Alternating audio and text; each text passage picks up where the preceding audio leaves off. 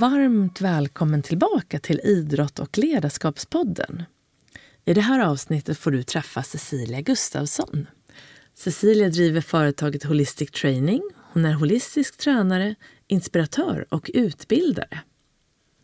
Och I det här avsnittet kommer Cecilia att berätta mer om dels hur det är att vara egen företagare och varför hon varmt rekommenderar det här till alla.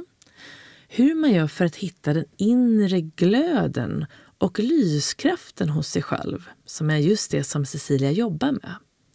Hur man helt enkelt blir den där hållbara människan. Och hur du lär dig lyssna på kroppen och hur du lär dig ta hand om den och lyssna inåt. Och Cecilia jobbar ju med träning, dans, yoga så att vi pratar mycket om det här med balansen mellan kropp och sinne. Och hur du kan lära dig förstå kroppen genom att verkligen fokusera på rörelse men också vikten av att stanna upp ibland och titta inåt. Och du får lära dig lite mer om skogsbad som också är en del av Cecilias verksamhet. Och inte minst hur det är att vara ikigaist och vad det betyder. Så varmt välkommen till ett eh, nytt avsnitt här och eh, nu hoppas jag att du sätter dig och har en lugn stund framför dig och så önskar jag dig en trevlig lyssning. Nu kör vi!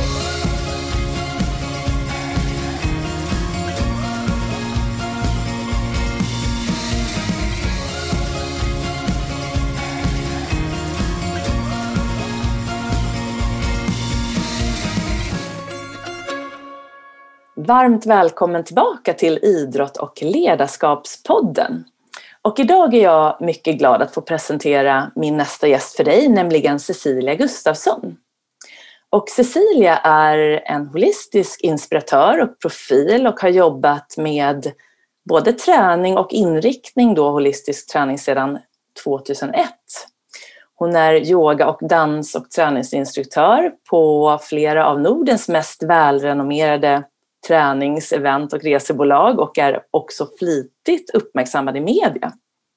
Och hon skriver också då och då artiklar i olika branschtidningar och på hemsidor. Och Cecilia utvecklar också sina egna koncept med instruktörsutbildningar och olika träningsprogram. Och sedan några år tillbaka så arrangerar, arrangerar hon helgretreats i hennes hemstad som är Järvsö. Där naturen spelar en väldigt stor roll i hennes helhetssyn. Och Cecilia driver då också för skojs skull, som hon brukar säga, ett fantastiskt klädprojekt med sin man. Där de säljer tröjor med egendesignade prints. Cecilias företag heter Holistic Training och företagets mission är att bidra till din inre glöd och yttre lyskraft. Och idag ska det då bli mycket spännande och intressant att få veta mer om Cecilias egen drivkraft och träningsfilosofi och vad hon upplever gör att en människa mår och fungerar bra. Varmt välkommen hit Cecilia! Tack snälla! Det där var en, eh, en boost, en smickrande boost nästan när du beskrev den presentationen. Vad härligt! Är det något som du känner att jag har missat eller som du vill lägga till i den här presentationen? Alltså, min första tanke var att den, eh, åh, när var det där tänkte jag. Och det känns som hundra år sedan, sen kanske det bara var ett år sedan. ja, just det. men men eh, nu är man ju lite mer hemmavid så att säga. Så eh, det är inte jättemånga event runt om i Norden längre eller resor. Men det har ju varit. Mm. Så att det är samma grundtanke finns kvar, alltså samma huvudsyfte av att mitt arbete handlar om att eh, ja, öka den här inre glöden och eh, lyskraften hos, hos människor. Och så har det varierat med åren, vad jag har gjort. Ja, just det, jag förstår. Mm. Så då var det mer dans för några år sedan kanske. Just och nu det. är det inte lika mycket dans, men det är kanske mer någonting annat som ja, mm. tycks behövas. Mm. Och du nämnde någonting precis här innan vi började, att du har ett nytt projekt som du håller på med i Järvsö, var det så? Ja, just det. Så just nu är jag väldigt mycket uppe i ett um, Camp Järvsö, kallar vi det. Och det är ett samarbete med Springtime Travel och uh, Carolina Klyft och Patrik Klyft.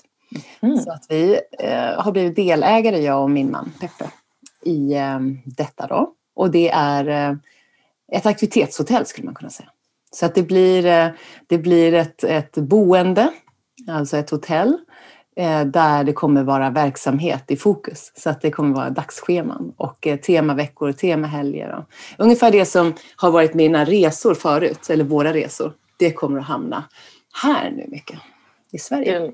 Det låter ju väldigt spännande. Och också att det är närmre, mer tillgängligt. Det har ju varit något som är väldigt positivt. Även om det är kul att resa så just att den här tillgängligheten, det blir också lite billigare kanske när man ändå har möjlighet att slippa flygbiljetten och ändå få tillgång till den, den här fantastiska träningen. Absolut. Den riktiga träningen. Mm. Ja, det har varit tanken, absolut. Tillgängligheten, att eh, både tillgängligheten rent geografiskt men också möjligheten att nå många. Alltså vi, vi når verkligen en bred målgrupp. Och vi, vi har som syfte också att bidra på något sätt till den hållbara människan lite mer. Och eh, förstås också hållbarhetstänket när det gäller, alltså inte resa så mycket kanske, utomlands just, men framförallt hållbara människan. Och mm. att ge lite inspiration och energi till, till människor ihop med återhämtning. Mm. Som, vi, som vi ju ser behövs och behövs och behövs. Ja. Mm. Och när planerar det här att öppna? Det ska öppna första juni. Eh, oj, oj, oj, spännande. Ja, så jag kan säga att eh, det är full, full rulle. Ja, det, det förstår jag. Mm. Så spännande, så där får vi följa nu då efter eh, nu framöver och se vad det blir för premiär. Ja. Kommer man kunna boka in sig då redan då helt enkelt? Om man ja, vill man med? kan boka in sig, faktiskt, man ska kunna boka in sig från idag. Ja, just det. Jobba, jobba, jobba med hemsidan. Så från och med idag ska man kunna boka in sig både som en hotellgäst eller som eh, en deltagare på ett läger. Och mina, mina små läger och längre läger. Mm. Åh, vad spännande. Mm. Ja, det ska bli väldigt spännande att prata med dig idag. Och eh, jag tänkte nu börja, de som inte riktigt vet kanske vem, vem du är. Vem är egentligen Cecilia Gustafsson om du ska få förklara det lite enkelt sådär? Det är en underbar fråga att få, eller hur? Eller hur? Eh, vem, jag, om man börjar grovt så är jag ju då förstås en medelålders kvinna. Eh, jag eh, bor här uppe i Järvsö men gillar eh, staden och kommer eh, har bott länge i Stockholm. Eh, jag är sambo med min man som vi, vi, har ändå barn ihop som är 18 och 15 år. Så att vi är inte gifta men, men vi har levt länge ihop. Jag är en egenföretagare, har alltid varit det i stort sett. Tycker väldigt mycket om det. Jag, eh, vad ska jag säga, jag kallar mig ibland för en holistisk tränare, inspiratör, utbildare. Så den här yrkesfrågan har varit en issue under det här året. Vad ska man säga att man är? Eh, men ehm, där har jag landat. Just det. Och eh, jag är lite nyfiken, det är ju morgon nu. Och då mm. undrar har du någon sån här morgonrutin som du följer? Mm. Det har jag, fast den, och den varierar lite grann. Den är mer eller mindre liksom strikt kan man säga, utan att vara asketisk på något sätt, utan däremot väldigt liksom, detaljstyrd. Just nu är det, det minsta jag gör, det är att jag eh, först kommer upp själv eh, och dricker kaffe. Så att det är min, jag vill vara uppe först och dricka kaffe. Jag sitter vid mitt köksfönster och skriver. Alltså tar jag en liten skrivbok så har jag en en blandning mellan en journal och en eh, flödesskrivning. Och eh, ibland yogar jag. Så när jag är de perioderna så har jag också en yoga mitt i köket. 15 minuter kanske, eller rörelse. Sen joggar jag eller går jag i, i skogen som ligger bara en minut från mig med hunden samtidigt. Mm. Och eh, om jag går så kan jag prata med min mor. Nu pratar jag med min mamma varje morgon, vilket är fantastiskt. Eh, så att jag känner när jag kommer tillbaka klockan nio till mitt arbetsbord, eh, då tycker jag redan att jag har fått en massa härligt. Mm. Så det är min morgon. Ja, vad härligt. Jag tyckte det är så spännande och så viktigt det här med morgonrutiner och det är alltid kul att höra vad folk gör. Jag tror att just det där att eh, ha den där egna stunden när man är mamma, egenföretagare. Har du, när började du förstå det? Just, eller när började du göra det? Att du gick upp före och, och tog din tid på morgonen? Lite för sent skulle jag vilja säga. Jag önskar att någon hade sagt åt mig det lite tidigare. Um, så det var nog ja, kanske fem år sedan eller sex år sedan. Um, så. Men inte när barnen var småbarn, då var man ju uppe ändå så att säga. Men, uh, Men vad jag minns så har jag mer så här tydlig morgonstruktur. Ja, kanske sex år sedan. Mm, just det. Ja, men det är nog ett väldigt bra tips till alla som lyssnar om man inte har börjat med det, eller hur? Apropå att jag upplever nämligen också att jag började med det lite sent. Men mm. just när, när jag väl har fått in det så är det ju som en helt annan värld som öppnar sig nästan. Mm. Jag har precis läst den här boken The 5 AM Club med mm. Robin Sharma. Har du läst den? Nej, men jag vet, jag vet nästan vad den handlar om, höll jag på att säga. Jag har ja, läst andra sådana morgonstrukturböcker, eh, kan man säga.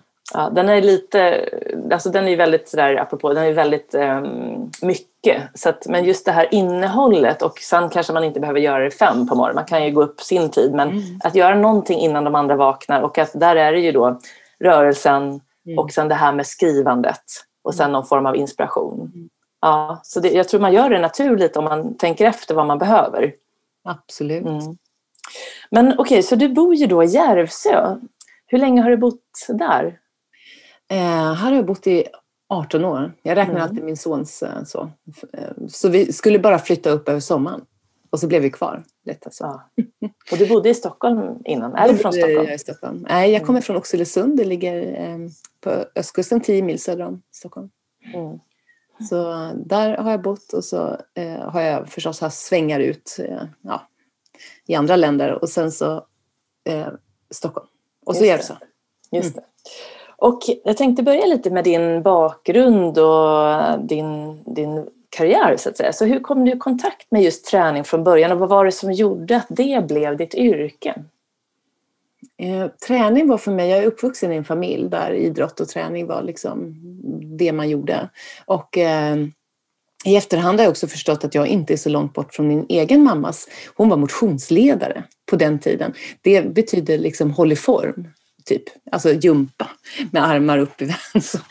Eh, det förstår jag nu är ungefär motsvarande eh, aerobics, gruppträning och så vidare. Men så jag är uppvuxen med idrott och eh, hade det väldigt eh, naturligt i mig också rent fysiskt. Jag upplevde väl att jag hade eh, någon viss talang för att röra mig på olika sätt helt enkelt.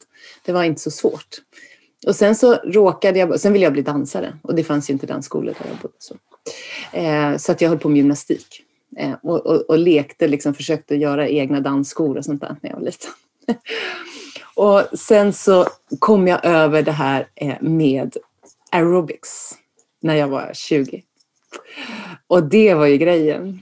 Så för någon som, som gillar både lite sådär, uh, tycker att saker ska vara roliga och sen så uh, lite träning i det. Så då började jag med det. Och uh, det, var, det var ju 93 eller 92. Så, um, så började vi tävla, jag och en, uh, en kille började tävla i aerobics. Det fanns något som hette sport aerobics. Så tävlade vi sånt. Det såg alldeles förskräckligt ut. Jätte, jätteroligt att se i efterhand. Man skrattar ihjäl sig fullkomligt. Med lätt rodnande kinder så när man ser det. Mm. Men då var det fräsigt. Och, och, på den vägen var det. Så jag började med det. Och då, kom man, då var man med på sådär SM ju förstås. och så. Det var ju bara det som fanns. Men det lät bra, så kunde jag skriva det i mitt CV när jag sökte jobb på Stockholms Studios. Eh, och så fick jag jobb på en jättebra eh, Stockholmsstudio som heter Workouten på 90-talet eh, som låg på Regeringsgatan. Alla stockholmare som är den åldern känner nog till den. Och sen så blev jag medlem i Nike, eh, teamet av instruktörer och jobbade med dem i 16 år som sponsrar. Mm. Mm. Så så började jag. Så det var inte så mycket, det, liksom, det ena ledde till det andra. Och jag kände att det var min huvudkarriär även om jag liksom hade någon... Sen hade jag ströjobb vid sidan om kanske. Men eh, det var det mm. som var min grej. Så. Just det. Och hur eh, skapades Holistic Training? För det är ju ditt företags mm. namn nu. Mm jag började ändå ganska tidigt med att börja utveckla mina egna klasser och moves så, ehm, som jag eh, tyckte var mer intressanta om man tog vara på hela människan så att säga. När jag gör det här och när jag har en grupp som gör de här övningarna så tycker jag mig uppleva att tillståndet blir mera liksom mustigt eller frigjort eller sådär. Eh. Passionerat eller vad det nu var.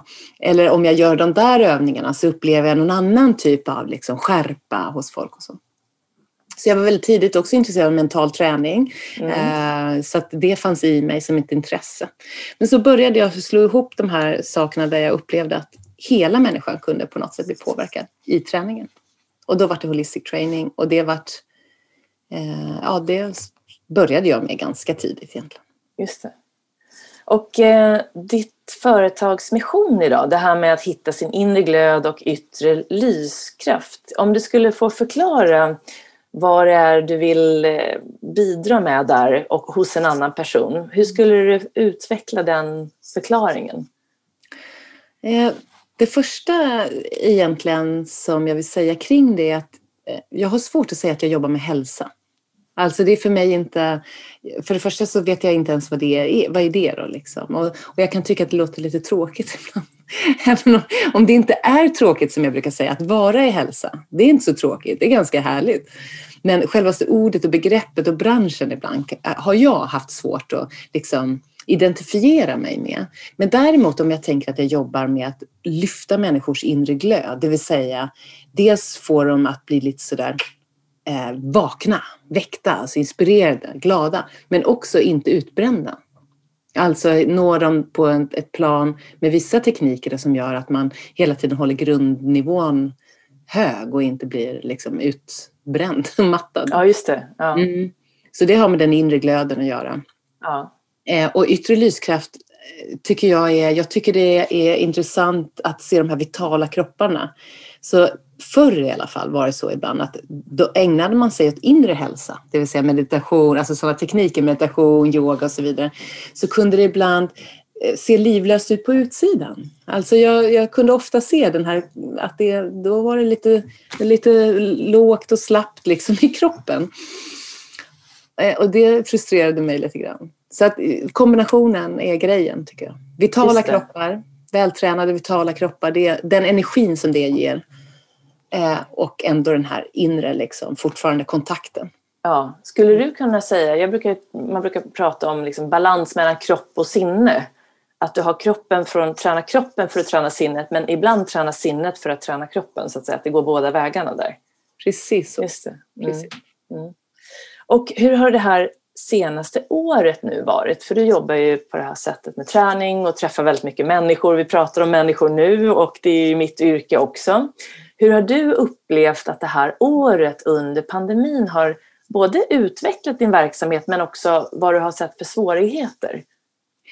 Um, för min del så var det nästan både spännande, alltså, jag är lagd åt det hållet att jag tycker det blir lite intressant när man ska komma på kreativa lösningar.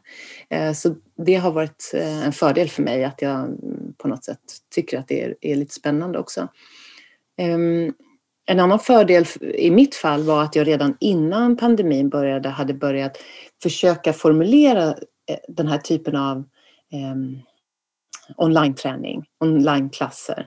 Um, och då visste och det här är bara ett år sedan ungefär, uh, då, då förstod inte jag hur det skulle gå till med livesändningar. Jag, jag, visste att jag ville ha det, men ja. jag visste liksom inte riktigt hur gör man det. Och vi provade några olika plattformar innan Zoom liksom hade kommit eh, upp till ytan, liksom, att det är det man ska ha.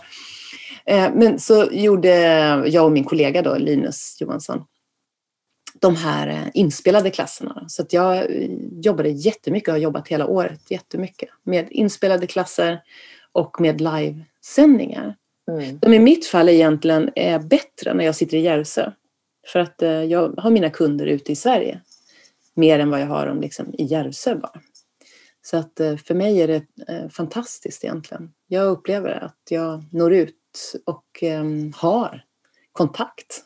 Mm. Jättespännande. Mm. Utmaningen är ju förstås då att man, man tappar, alltså jag ställde in hela för, följa som, förra sommarens eh, retreat då, eller läger. Mm. Jag ställde in åtta läger. Alltså. Mm. Man har liksom skiftat om. Liksom ja, skiftat om verksamheten så att du har, några saker har ju blivit avbokade men du har också, har du märkt att det har växt snabbt? Har folk snabbt kommit in i att följa dig på Zoom och, mm. och förstå hur allt funkar? Mm. Mm. Det skulle jag vilja säga. Mm. Det gick ganska fort. Mm. Eh, så det, man känner, det är alltid så när det finns ett behov. Ehm, då blir saker ganska lätt. Ehm, och jag, det har jag oftast försökt att anamma på något sätt. Att göra saker som inte har så mycket motstånd utan ganska lätt. Vart, vart, liksom, vart glider det? Vart lyfter det? Ja. Utan att man måste vända ut och in på sig själv. Just det. Att då är det oftast ett tecken på att det finns ett behov eh, och man tar tacksamt emot det som kommer då. Mm. Mm. Ja, jättebra. Och du, du är ju då egenföretagare, du har alltid varit det nämnde du nu. Mm. Och jag är lite nyfiken på just det här, eh, vad du upplever är de här fördelarna just med att driva eget. Vad är det som har gjort att du har hållit kvar dig i den banan? Jag älskar det. jag, och, rätt, och jag tror så här, jag tror också jag skulle vara usel på att vara anställd. Det, det kanske snarare är det. Jag tror inte alls jag skulle vara bra. Um, så det är nog självbevarelsedrift, tror jag. Um, jag behöver den fria tiden.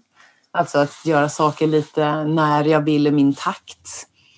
Um, jag tycker inte att det är så otäckt att vara så att säga, egenföretagare. Den, den otryggheten som en del uttrycker att vara det, det har jag liksom inte riktigt upplevt så att jag tycker.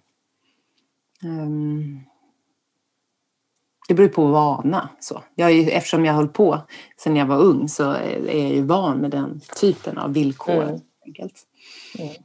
Så att jag tycker snarare, jag, jag, skulle vilja uppmuntra alla att vara små, små egna företagare. Jag tror på det där lilla. Eh, jag brukar säga att jag är som ikigaist också. Ja, just det. Det talas om. Ikigai. Ja, men exakt. Du har, det finns faktiskt en bok som heter Ikigai. Och visst har du ett av era prints heter ju Ikigai? Mm. Kan inte du förklara vad det betyder, just Ikigai? Det är ju då ett japanskt ord. Ja, det är ett japanskt ord och eh, när jag kom över det begreppet så blev jag också sådär lite eh, frälst. Ja, det är det här jag tror på. Du vet, jag är inte buddhist eller kristen eller jag är inte du vet, ateist. Men jag är icke-geist. Det här tror jag på. Jag tror, och den, det begreppet eh, handlar om Alltså vad är meningen med livet? Typ rakt översatt så skulle det vara så. Men att man, jag tycker den passar allra bäst i någon form av arbetssammanhang. Och, där, och då gäller det att hitta vad man är bra på. Eh, det gäller att hitta det man tycker om, känner kärlek till det världen behöver och eh, det man kan få betalt för. Så när de fyra delarna på något sätt klickar in i det man väljer att göra så, eh, så blir det väldigt fruktbart och tillfredsställande. Och då spelar det egentligen inte, det, det är en väldigt skön eh, livsstil att vara det. Och jag kan tycka att, och, och verkligen se till alla delar. För det är många som gör misstaget att man antingen man gör det man älskar, sådär. ja det har man lärt sig, man ska göra det man älskar och det man är bra på. Men sen behöver inte världen det. Äh, då blir det ganska jobbigt faktiskt. Ingen vill ha det som jag erbjuder. Eller att man inte kan ta betalt för, för det man väljer att göra. Det är också en besvärlig situation, för då kommer du inte kunna fortsätta. och så vidare. Så att den är ganska, man skulle kunna lätt testa sina olika projekt eller idéer mot den här formen och modellen. Så när du till exempel då, apropå det här vad världen behöver, för jag, jag känner igen det där jätteväl och det tror jag många gör, att man kommer på en jättebra idé mm. och så liksom lanserar man den kanske och så är det ingen som bokar. Det kan ju vara ett litet projekt eller så kan det vara en stor grej, så bara ingen bokar och man tror att det här, hur kan ingen boka? Men feedbacken då för att förstå vilken riktning man ska ta där, är det då att man, hur gör du för att, eh, så att säga, våga testa men att också förstå om det är något världen behöver? Hur förstår man vad världen behöver så att säga? Finns det någon fråga du brukar ställa dig där? Ja, det var bra. Det var, det var en bra fråga. Eh, Mm, nej, jag, jag, sen, jag tror att jag är lite sensibel hela tiden. Jag är ganska sensibel liksom har lite tentakler ute. Vad, vad man känner av för strömningar och tendenser. Utan att det bara ska vara, det är inte i första hand ett, liksom ett, ett sälj... Um, vad ska jag säga? Motiverad av sälj, utan snarare att det är intressant bara. Um, men också så tror jag, jag har testat, jag har faktiskt provat massor saker som verkligen inte har flygit. många saker. Men de glömmer man ju bort ganska snart, för då släpper man dem. Det är det som är tricket. Man provar, lyfter inte eller bråkar man mycket med det, då ska man släpp, våga bara släppa taget mm. om det. Eh, och när jag var yngre så tror jag jag höll fast längre vid saker egentligen. Bara för att jag tyckte det skulle vara så bra. Förstår inte folk hur bra det här är? Just det. Ja, men det, det, ska man, eh, då ska man lära sig att släppa taget. Ja. Och just det där att ibland kan det ta lite tid för någonting att flyga också. Mm. Till exempel om, eh, det hör jag ofta det här att man kanske började då i en liten skala, det kom två personer till exempel till en klass man mm. skapade och man började med den här utbildningen, det anmälde sig en person. Men sen då kanske ett, två år senare så är det bara fullt. Så att om du då känner att det kanske bara är en som kommer men att det ändå är någonting, den personen tyckte att det här var riktigt bra. Yes. Att då ha tålamodet. Men om man inte får någon feedback där eller om ja, det här feedbacken kan ju vara, om man inte får någon feedback så kan det ju vara att det är någonting där. Precis. Då kanske man, eller om det känns svårt, är det då, då är det liksom, nej det här kanske vi ska släppa och gå en annan väg. Ja, precis, exakt. Att man, det är något som skaver hela tiden och man vill bara förändra och förändra. Mm. Eh, för att det du säger så har jag också varit med många gånger att visst, man börjar med ett litet, men då får man ha modet. Man måste ha modet och tilliten liksom. Eh, och göra det för att man tycker om att utföra detta, vad man nu utför. Har man det som grund så förlorar man inte så mycket ändå. Um, och, sen så, och så var det med livesändningarna i början. Då, hade jag väl kanske, då tyckte jag det var fantastiskt. Jag hade 30 personer som anmälde mig. anmälde sig först. Wow, det var så här, bra! Och så hade jag ändå en känsla av att vänta nu, det skulle ju kunna vara lika gärna du vet, hundra personer. Så här, vore inte det festligt? Du vet, det var lite som en så här, wow, ja, just det. vad festligt det hade varit. Eh, och sen så är det ju bara inom ett halvår, så, eller mindre, några månader, så är det ju så i mitt fall i alla fall att jag har 150 personer ungefär varje onsdag och 100 ungefär varje måndag. Det är ju fantastiskt kul. Ja, utan Otroligt. att liksom göra någonting. Ja. Och det här är ju, nu kan vi ju nämna det, du kör då live streamade pass är det på onsdagskvällar och din hemsida mm. heter holistictraining.se. Ja, just det, mm. precis. Och där hittar man dem? Där hittar man dem, måndagar och onsdagar. Det blir som mm. vilken, det är som min studio nu för tiden. Just alltså, det. som mina klasser i ja. veckklasser. Um, väldigt härligt. Ja. Och vi kommer komma tillbaka till det här med mod och tillit och det här med, mm. för det kommer ju apropå den här inre resan i balans med den yttre resan. Men jag är lite nyfiken på har du tagit hjälp någon gång? Jag tänker på det här med när man är egen företagare så gör man ju det mesta själv, i alla fall till en början. Men tar du hjälp just nu med din hemsida, jag tänker på sociala medier, eller gör du det mesta själv? Hemsidan har jag ju en grund, alltså någon som har byggt den, en byrå då, som har byggt basen. Sen så är det jag själv som uppdaterar den. Eh, och tyvärr är det jag själv som kör social media också. Och, eh, jag kan tycka ibland att eh, det är lite jobbigt. Eh, men samtidigt så är jag, jag har valt att göra själv, alltså jag tror ibland att jag har valt företagandet för att få göra de här sakerna. Eh, nu blev jag inte reklamare på heltid som jag var lite intresserad av som, som ung faktiskt. Jag ville också vara fotograf, eh, men det blev jag inte heller helt fullt ut. Men jag gjorde det jag var bäst på, på något sätt. Jag har tagit tillvara på att jag hade någon slags fysisk enkeltalang som bara fanns där. Liksom. Men då har jag använt det som en bas för att sen få vara lite fotograf, lite marknadsförare, eh, kläd, den här klädhistorien fick jag anledning. Och, så att jag, jag, upp, jag tror faktiskt att jag är larvigt lekfull bara. Jag, jag tycker det här är roligt. Och våga ja. vara kvar på den nivån.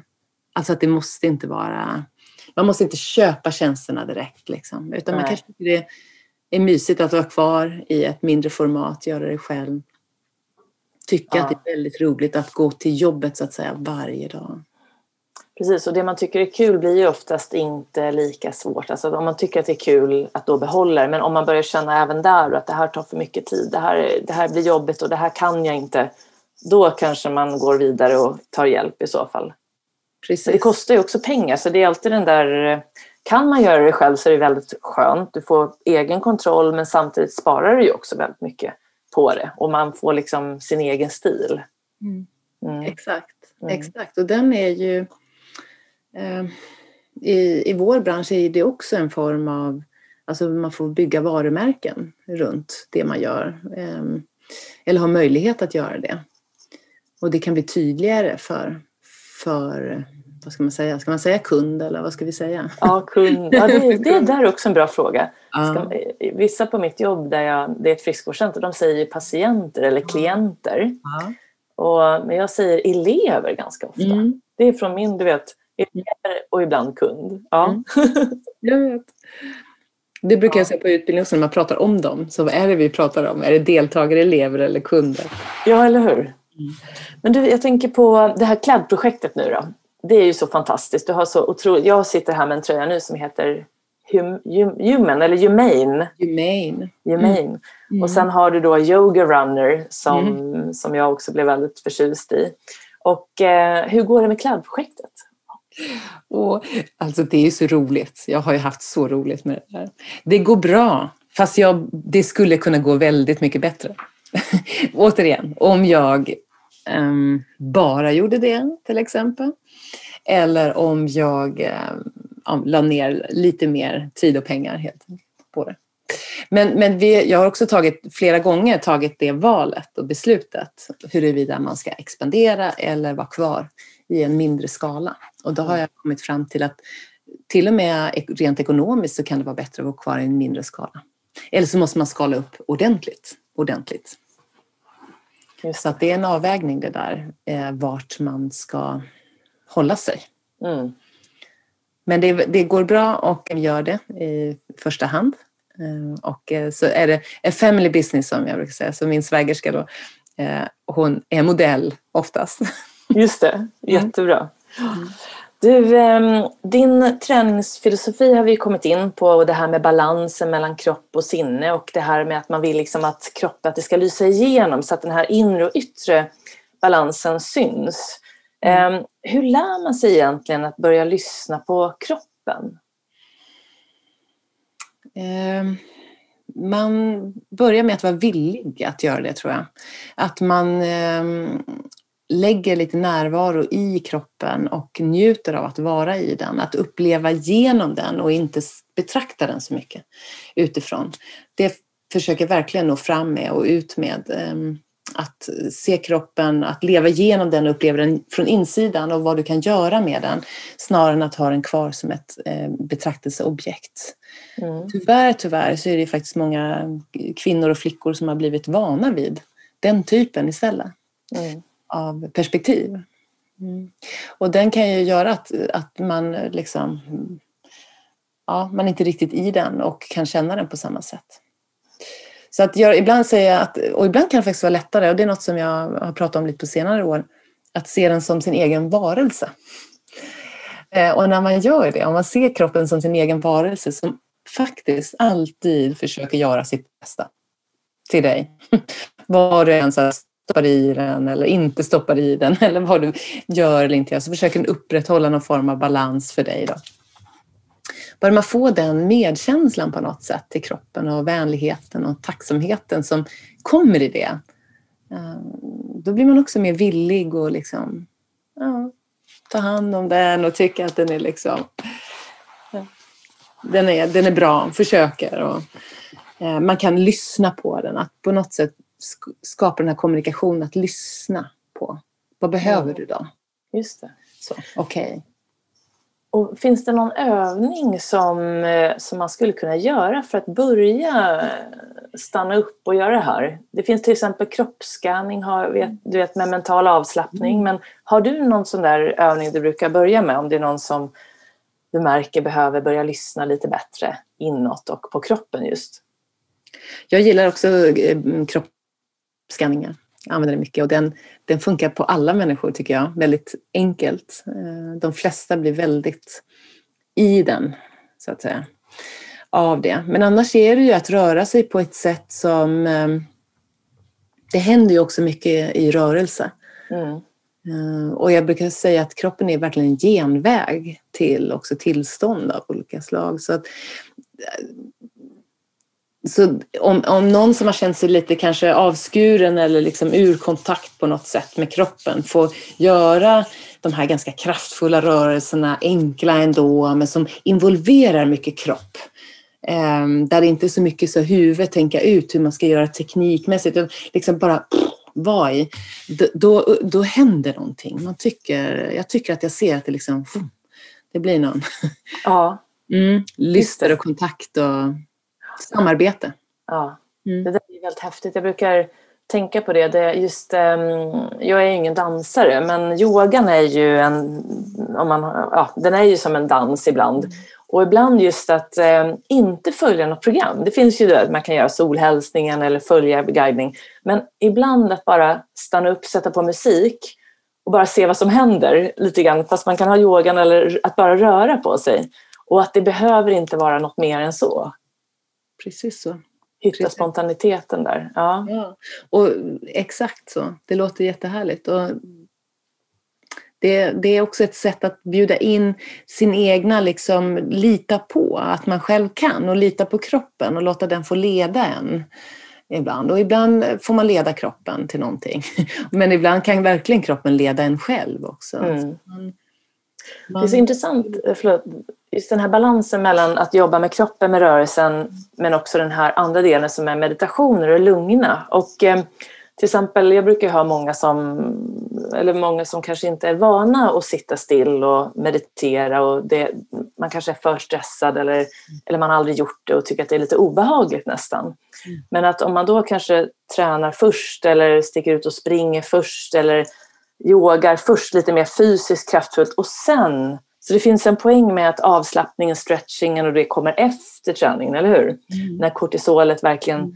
sänks, att man tar vara på det. Det kan ju eh, vara ett bra tips apropå balansen där, eller vad säger du om det? Eh, och många gånger så, så blir det ju så... Det, jag, när jag har yin-yoga till exempel på en hel eventdag med annat så är, brukar jag säga att det är som en efterrätt. Alltså då kommer efterrätten, det som är lite sött och lite bara, mm, bara lägger sig liksom, rätt i kroppen på slutet. Och det, jag tycker att det är väldigt vanligt att höra just den reaktionen från eh, den typen av deltagare som jag också vänder mig till och har mycket runt mig. Att man, man har svårt att liksom gå från det här um, ganska höga tempot kanske och som du sa, kortisolet ligger högt och allting, till att bara bam, sätta sig still och betrakta. Um, ja. handlingen. Eller hur? Ja. Och, och det kan vara plågsamt. Och då är det dumt. Varför, varför göra det svårare för sig så att säga? Och skapa ett motstånd. Då är det lite smart av oss kanske då som jobbar med det, att man, man tar bort det motståndet och gör det lite lättare för folk att tycka det är skönt också, behagligt. Mm. Um, Ja. Du, vi pratade lite om mental träning, där, att du har varit intresserad av det också för, mm. liksom, sedan länge tillbaka. Och, eh, inom den, den här integrerade mentala träningen som jag, som jag själv liksom har riktat in mig på, då har man alltid muskulär avspänningsträning först, sen kommer mental avslappning mm. och sen går man vidare till självbildsträning och, och sen målbildsträning. Och mm. just det här som vi är inne på nu, det handlar ju om att om musklerna är lite för spända och man har en liten hög stress, det, vilket ger då spänningar, då blir det svårt att slappna av mentalt. Så att om man då tar hand om den muskulära avspänningsträning som man då får genom rörelse och spänna en muskel och slappna av i den muskeln så kan man sen gå in till den mentala avslappningen. Så det, det, är en bra, jag tror att för det där har man ju sett under många, många år tillbaka just i forskningen att det är så viktigt att först bli av med spänningarna. Mm. Sen blir ju då kroppen avslappnad om man till exempel gör en kroppsskanning. Men återigen, om man märker då att det är svårt att lägga sig ner och göra en kroppsskanning så kan... Ja. Så, mm. Det precis så. Och, och det är ju, beror lite på, det kan vara tyckesmak och man kan ju göra lite olika saker ibland men man har ofta samma syfte man vill till samma plats. Eh, jag tänker att eh, det, för de flesta är det lättare att göra precis så som du sa. Man börjar med kroppen där och släpper på överskottsspänningen. Och så blir det behagligare att vara i sin egen kropp stilla så att säga. Det inre rummet blir lite skönare också att vara i. Ehm, men kroppsskanning är också ett sätt att vara aktiv på något sätt man leds ju med närvaron. Alltså man har ju någon plats att gå till, vandra runt i kroppen. Just det. Den är ju lite aktiv ändå. Det, det känns ju skönt för många. Ja, just det.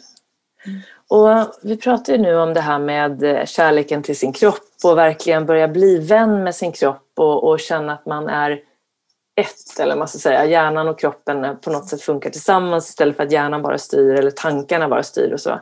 Men eh, och så just det här med självbilden då handlar ju mycket om det, kroppen, speciellt kanske kvinnor, flickor men också pojkar och män. Så vad skulle dina råd vara för att stärka den här självbilden, alltså din bild av dig själv? Mm. Ja, men jag tror att det är lite tillbaks till det där perspektivskiftet igen. Att inte tänka så mycket hela tiden på hur man tar sig ut som vad man själv kan liksom uppleva igenom. Och, um, jag kan tycka att det alltid, man kan alltid tjäna på att vara tacksam för vad man har.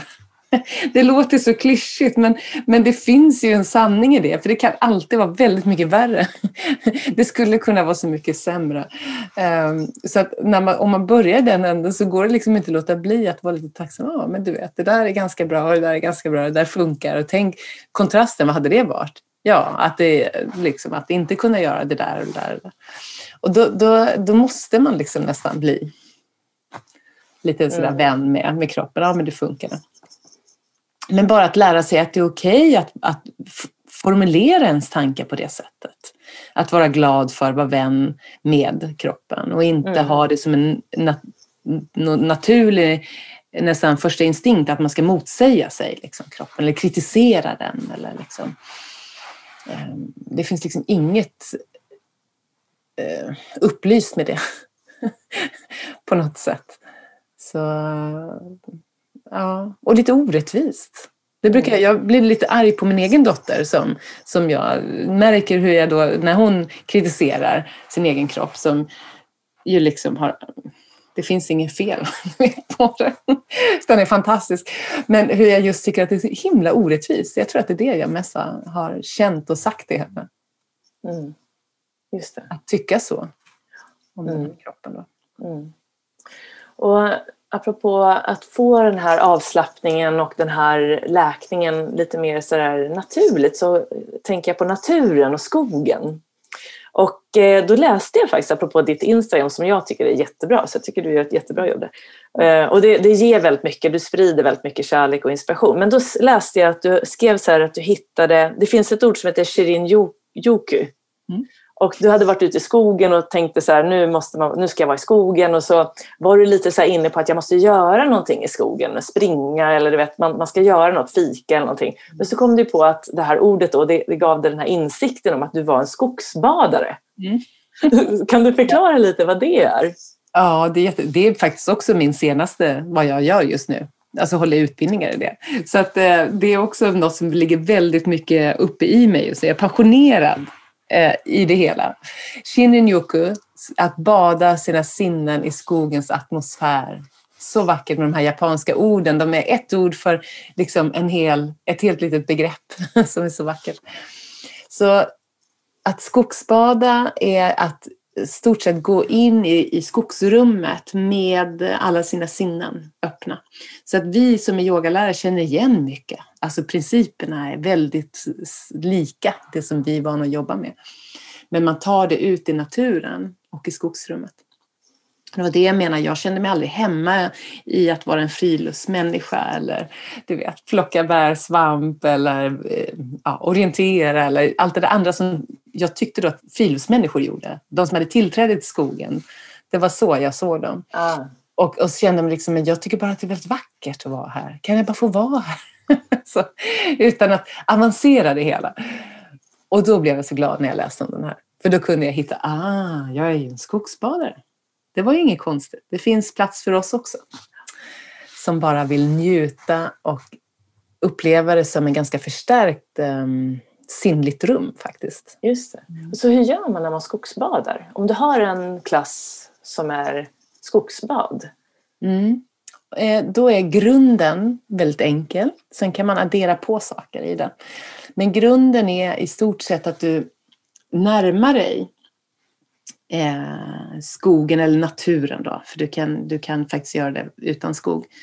Men med lite varsamhet, så att man börjar med någon form av, liksom, man rätar upp sig, alltså saktar ner tempot och eh, går in med varsamhet och lyhördhet.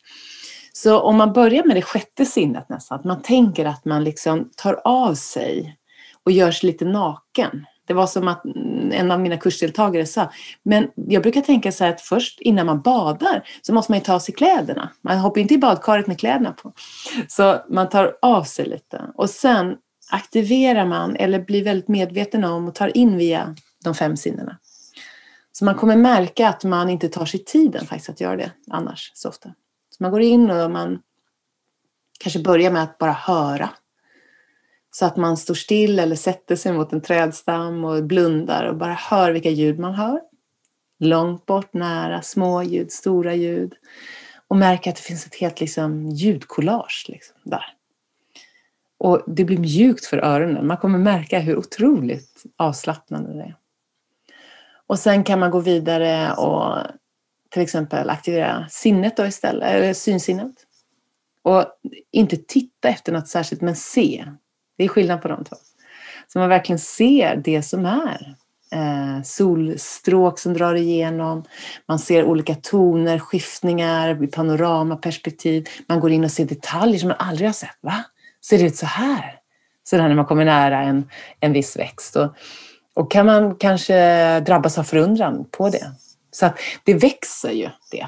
Och det vet vi, vi som kanske har jobbat med eh, medveten närvaro, och så att det vi ger vår eh, energi och intresse, det växer på något sätt.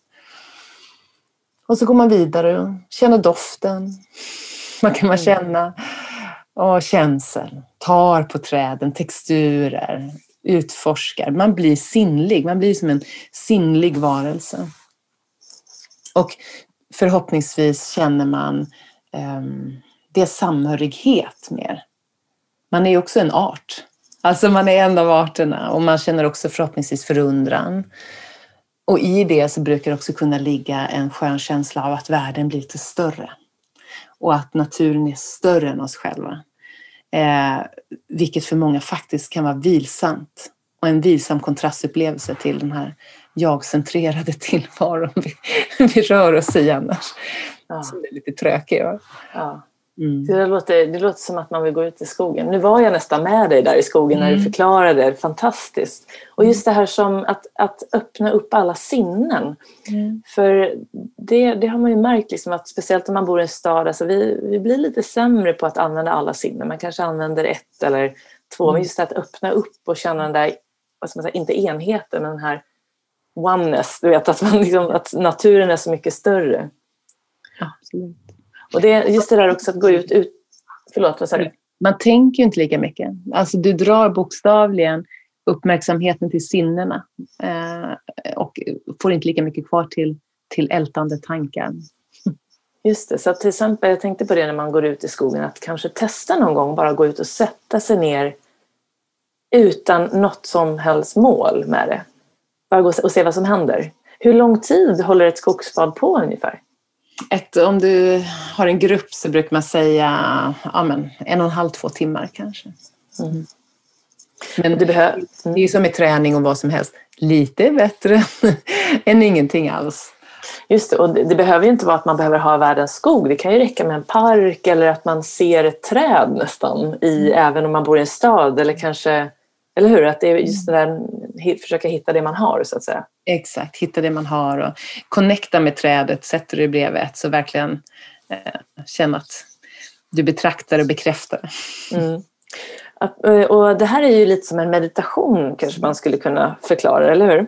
Mm. Men eh, har du någon favoritmeditation som du brukar göra själv? Mm, jag hade länge, och det var bra att du påminner, det skulle jag säga, när jag jag funderar varför gör jag inte det fortfarande? För det, det, jag hade passagemeditation, kan man, det går under den benämningen. Men det är egentligen en text som du um, memorerar och reciterar tyst för dig själv. Då. Och den passade mig väldigt bra. Då hade jag gjort många andra typer av ja, men, fokusmeditationer på andning eller um, kanske provat någon mantrameditation. Att man säger tyst ord, eller högt kan man också göra. Men jag gillade att välja ut en text eh, och sen så komma ihåg den, memorera den och sen så rabbla den i mitt huvud. Och den blev också en trigger för mig. Alltså som, så att när jag började med den så var hela systemet blev så hmm.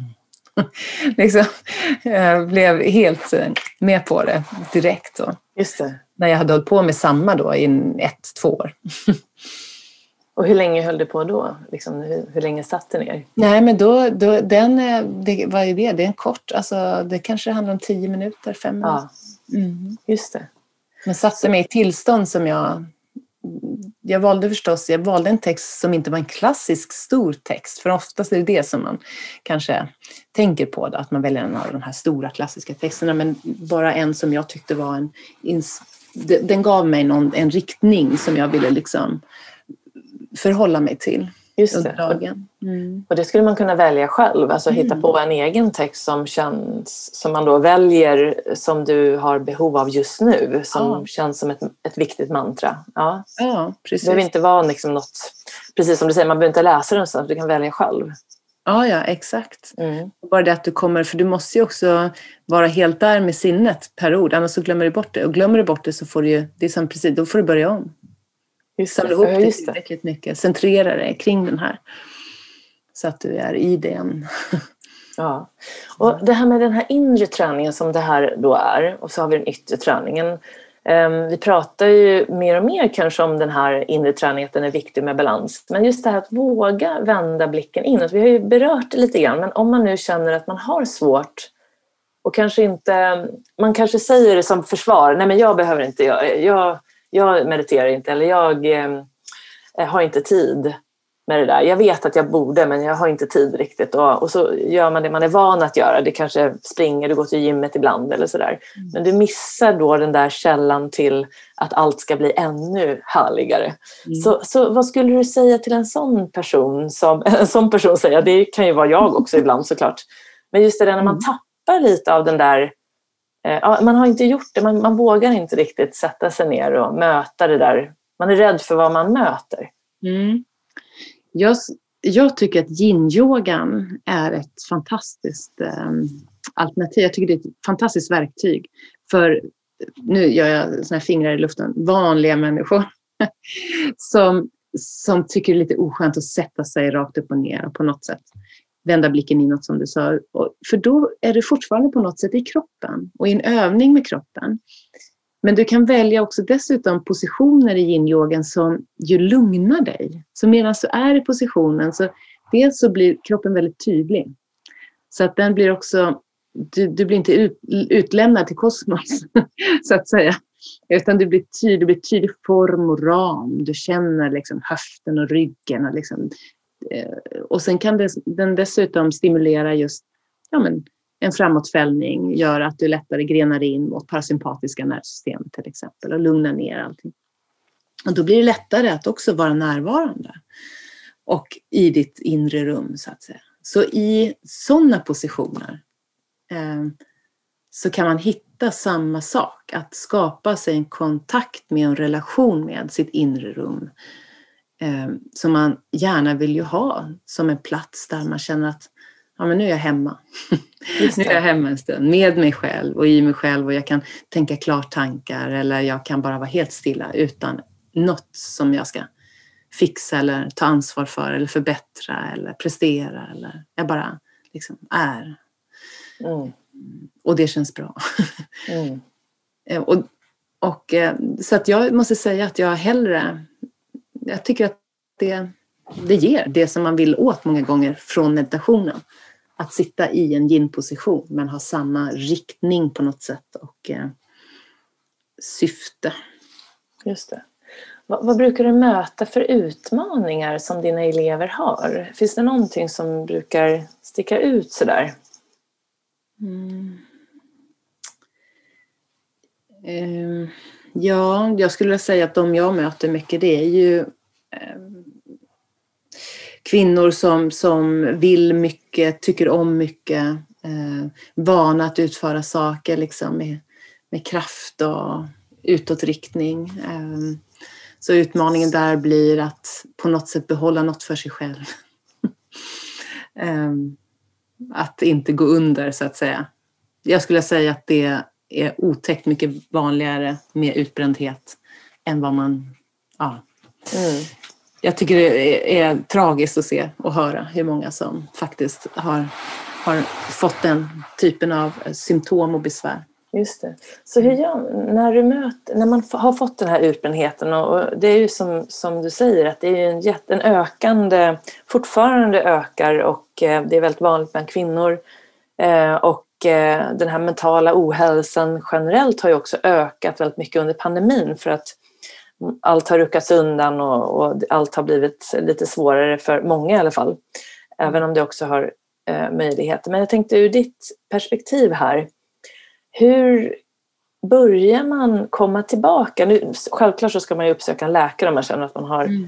Eh, allvarliga problem såklart. Men jag tänker också den här efterperioden, om man märker att man har lätt stress eller mental ohälsa, man börjar bli lite orolig. Vad är det för signaler som man kan ta hänsyn till och hur kan man börja redan nu skapa en förebyggande mental styrka från grunden för att hålla i längden? Jag undrar om, om man kan få börja med en acceptans om att man inte... Att det är okej okay att vara liksom lite sådär lagom eh, mellanmjölk som jag sagt. Jag tror också jag uttryckt mig så någon gång att, att vara medelmått är inte så sexigt men det kan rädda livet på en. Alltså att man ibland får acceptera eh, att det är okej okay också att vara lite medelmåttig i saker eller överlag. Ehm, och kanske hellre också vara levande och njuta än att vara duktig. Alltså att det är lite så här perspektiv och attityder man kanske ska se efter vad man, vad man har i botten. Um, och att, um, och att, det, att man förstår också att man måste organisera upp sin egen vila troligtvis om man lever i, i den här typen av typisk västvärld och eh, nutid. Att man måste organisera upp den för den kommer inte av sig själv så ofta. Bara, jag tänkte på bara det du sa med morgonrutinen där. Mm. Att, eh, att du upplevde att, att du hade kommit på det för sent och ändå, och det där är ju det där tror jag är så vanligt att man inte ger sig själv riktigt den där egna tiden. Och för vart ska man hitta den? Mm. Och så kanske man inte, men att kanske gå upp den där stunden på morgonen. Mm. Ja, Precis, ett litet tips. På, ja, och det är också lite typiskt att man ja, gå upp den där stunden på morgonen. Men även våga, det är, det är lätt att säga, det är mycket svårt att göra, tycker jag också. men att, att Eh, på något sätt eh, känna att det inte är så fult att vilja vara för sig själv till exempel. Eh, att dra sig undan. En del är ju verkligen också i behov av. Jag vet hur jag själv, framförallt när jag hade mycket, alltså mindre barn, eh, mycket resor, mycket människor, alltså ganska intensiv tillvaro. Hur det kändes som att ensamhet eller självsamhet, som blir ett vackrare ord i det hela, var mitt C-vitamin. Alltså där kom jag till liv igen. Jag behövde bara dra mig undan en liten stund. Och så bara komma ihop med att låta grundvattnet liksom lyfta. Och om man doserade ut sånt regelbundet, då tror jag att man, man liksom kan hålla sig på banan. Som ett skydd, som du sa, mot att bli um, Just det. Ja, och gjorde du det där då korta stunder? För just det där att jag, man kan ju se då att man kanske längtar och väntar till semestern. Att om några veckor då ska jag vila eller på sommaren då ska jag... Så du skjuter upp det där, eller hur? Istället för att tänka att det är de små, små stunderna. Det kanske är en minut ja. här och där. Mm. Jag tror på den här dagliga och veckobaserade li livet. Alltså lev din vecka som du vill leva ditt liv. Mm. Den, den fick jag till mig av någon klok människa. Och den spelade faktiskt stor roll. Just det, lev din vecka som du vill leva ditt ja, liv. Ja, så att det som du vill ha i livet, det ska du ha på en vecka. Mm. Alltså, så, och, och, den tror jag också, det ingår i den här ikigai-livsstilen lite grann också. Att det handlar inte om stora mål och storslagna saker utan de mindre vardagliga, dagliga eh, momenten och mm. sättet att leva på. Och det, det jag tror att eh, Jag tror att det är grejen. Vad gjorde du när du tog tid för dig själv, där, det där C-vitaminet? Vad kunde du, hur kunde en sån eh, C-vitamindos se ut? Ja, men det, kunde vara, det, är, alltså, det är ju enkla grejer, men det kunde vara att eh, sitta själv på ett fik en timme. Alltså inte mer. sitta och skriva med ett dumstirra eller sitta och skriva i ett, i ett block, dricka kaffe. Eller det kunde vara att eh, just eh, vara i skogen själv en stund, sitta på en mosskulle eller gå långsamt.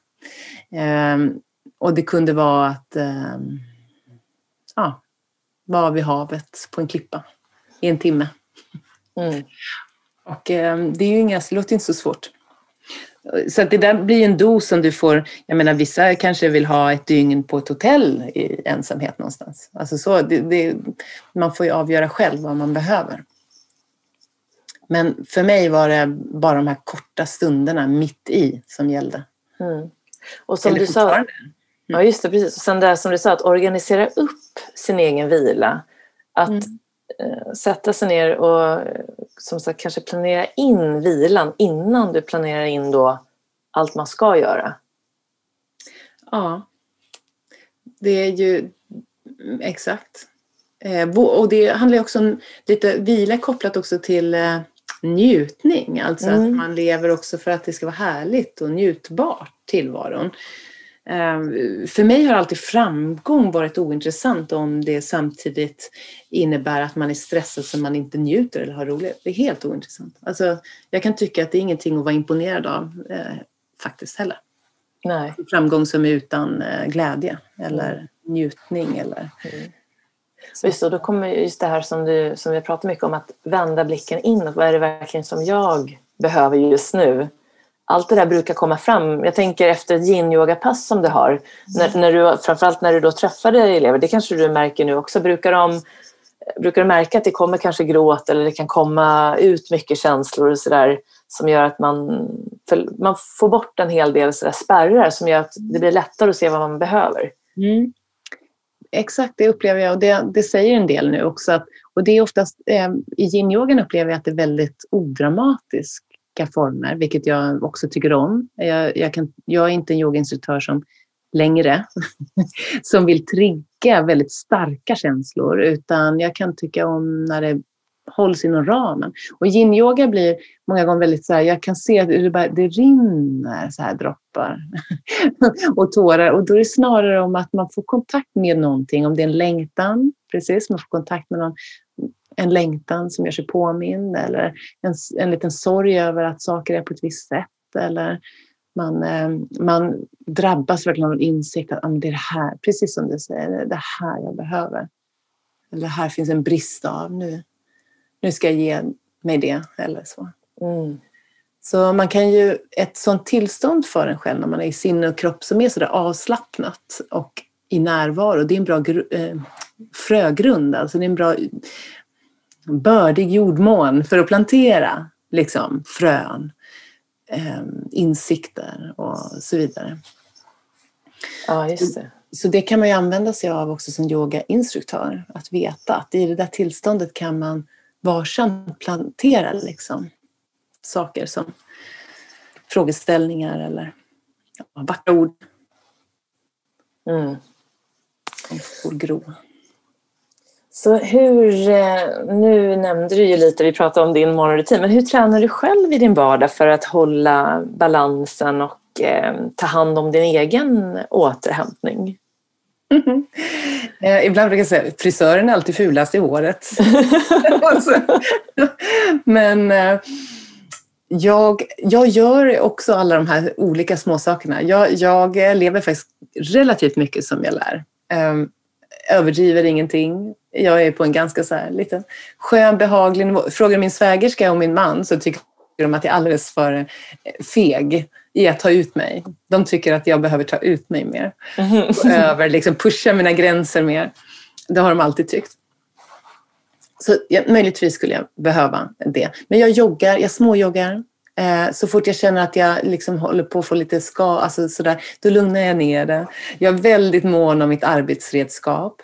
Jag rehabbar här nere i källan som jag kallar det. Det är, dra lite, det är ryggjumpa nu för tiden.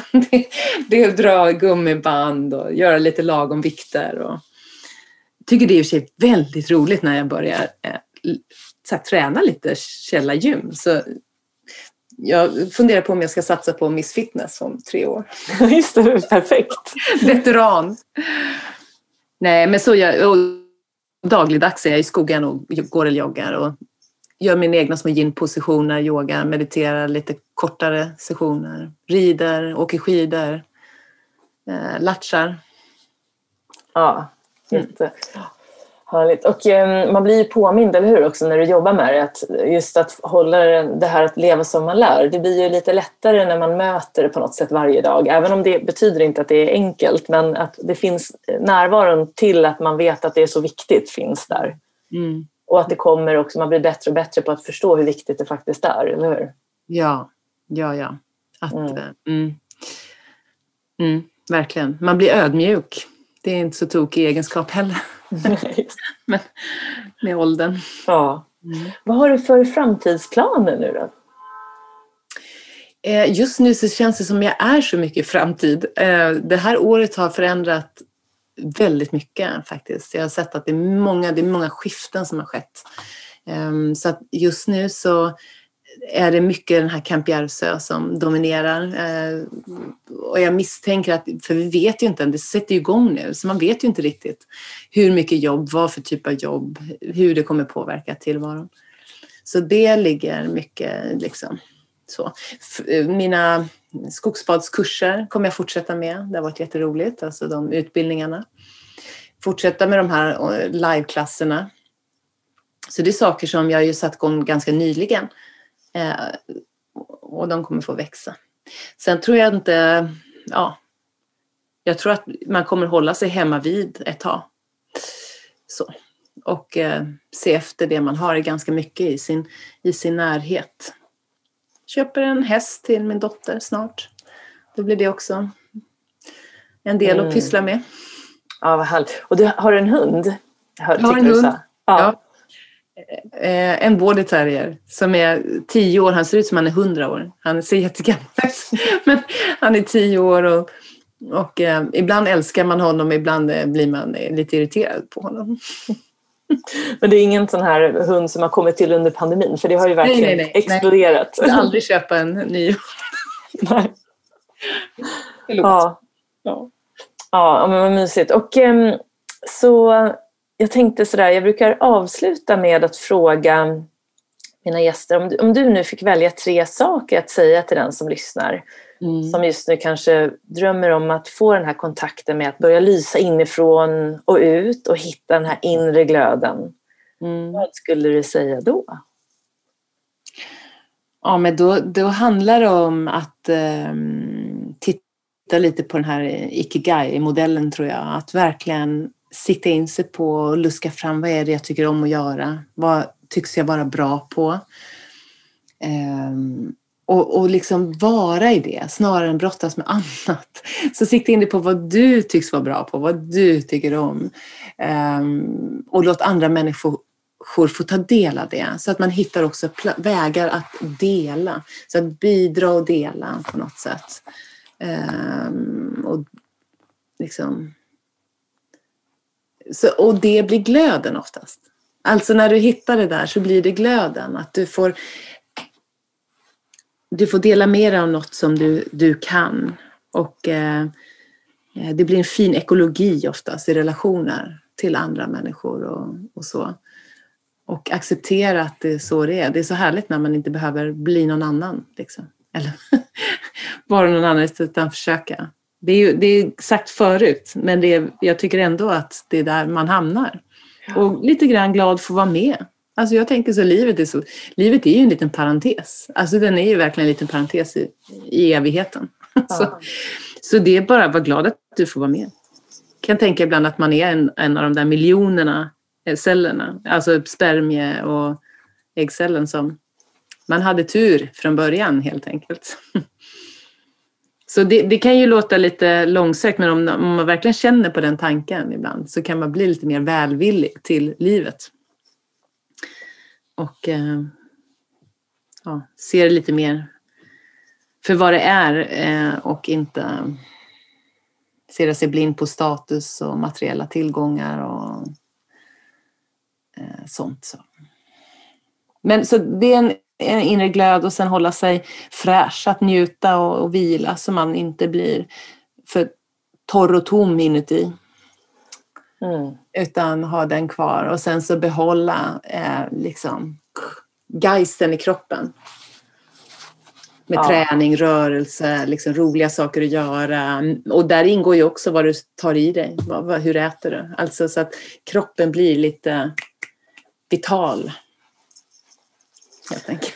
Ja, så fina ord. Och jag tycker det har varit ett fantastiskt samtal att få um, prata med dig och få med såna här bra, just den här balansen mellan den här yttre styrkan som kroppen har uh, och att, att det är så otroligt viktigt att, att det finns den här balansen. Ibland så kanske man får börja utifrån och in och ibland får man börja inifrån och ut men att man inte glömmer bort någon del. Men är det någonting som du skulle vilja lägga till nu innan vi börjar avsluta. Jag tyckte det var jättetrevligt att få prata med dig också. Jag skulle vilja fråga dig nästan alla de här frågorna. Just det. Och höra hur, hur, du jobbar. Ja. Eh, nej, jag tyckte det var trevligt. Jag hoppas att, eh, ja, att många liksom, som också jobbar med det här, skulle jag vilja säga, inser att de gör ett, eh, som jobbar på något sätt med hälsa, träning, människor, välmående, att de också inser vikten av sitt arbete. Att det kan betyda jättemycket för, för människor. Återigen, att de är där och bidrar på sitt sätt och så vet de inte vad sitt bidrag egentligen spelar för roll i den, i den här personen, eller den här personens liv och för dem runt omkring dem och så vidare. Så att, ehm, ja, all heder till, till människor som, som, som jobbar med sånt här tycker jag. Tycker att det... Ja, verkligen. Jätteviktigt arbete. Och, ehm, och du gör ett fantastiskt viktigt och jättefint arbete Cecilia.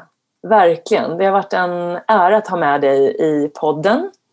Och eh, nu, vi nämnde ju din hemsida här, holistictraining.se. Och Järvsö Camp då, hur hittar man till den hemsidan? Vad heter den? Vill du säga det nu? Den heter Camp Järvsö. Den heter Camp Järvsö? Ja. Eller Järvs, blir det va? Camp Järvsö.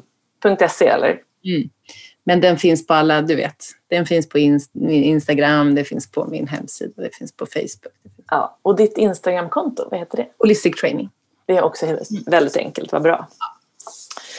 Men du, tack snälla du för att du var med idag och jag önskar dig så varmt lycka till och jag ska följa dig och eh, företaget med spänning. Och kanske kommer det en t-shirt då som heter, vad var det nu, med, med skogsbadet? Ja, det, Vad tror du om det? Ja, det finns Into the forest I go to lose my mind and find my soul. Ja, fint. Och den kläderna finns ju också på din hemsida om man nu blir lite nyfiken på det här. Ja, man blir länkad i alla fall till rätt. Mm, ja, just det. Mm. Tack snälla Cecilia och eh, varmt lycka till. Tack så jättemycket. Tack.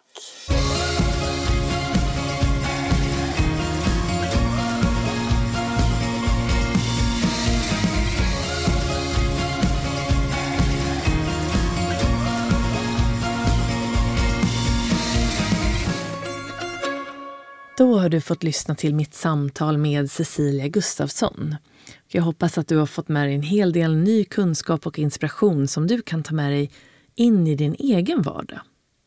Och vill du veta mer om Cecilia så kan du gå in på holistictraining.se och eh, gå gärna in också och eh, läs mer om det här nya projektet som Cecilia med hennes man är involverade i tillsammans med bland annat Carolina Klüft och eh, Springtime på Ehm, kampjärvsö.se.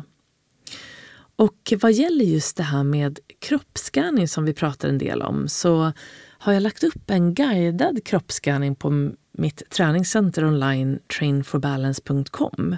Så gå in där och om du inte har anmält dig så gör det under medlemskap. Det är kostnadsfritt, allt förutom kurserna. Och där hittar du då en guidad fil under ljudfiler som heter kroppsskanning. Så kan du prova den här mentala avslappningen som verkligen hjälper dig till full närvaro mellan kropp och sinne. Och så hoppas jag att vi träffas här snart igen. Och vill du veta mer om vad som är på gång hos mig så gå in på jennyhagman.com och följ mig gärna också på eh, Instagram på Jenny underscore Hagman. Och eh, så önskar jag dig en fortsatt trevlig dag eller kväll och ta hand om dig. Så ses vi. Hej då!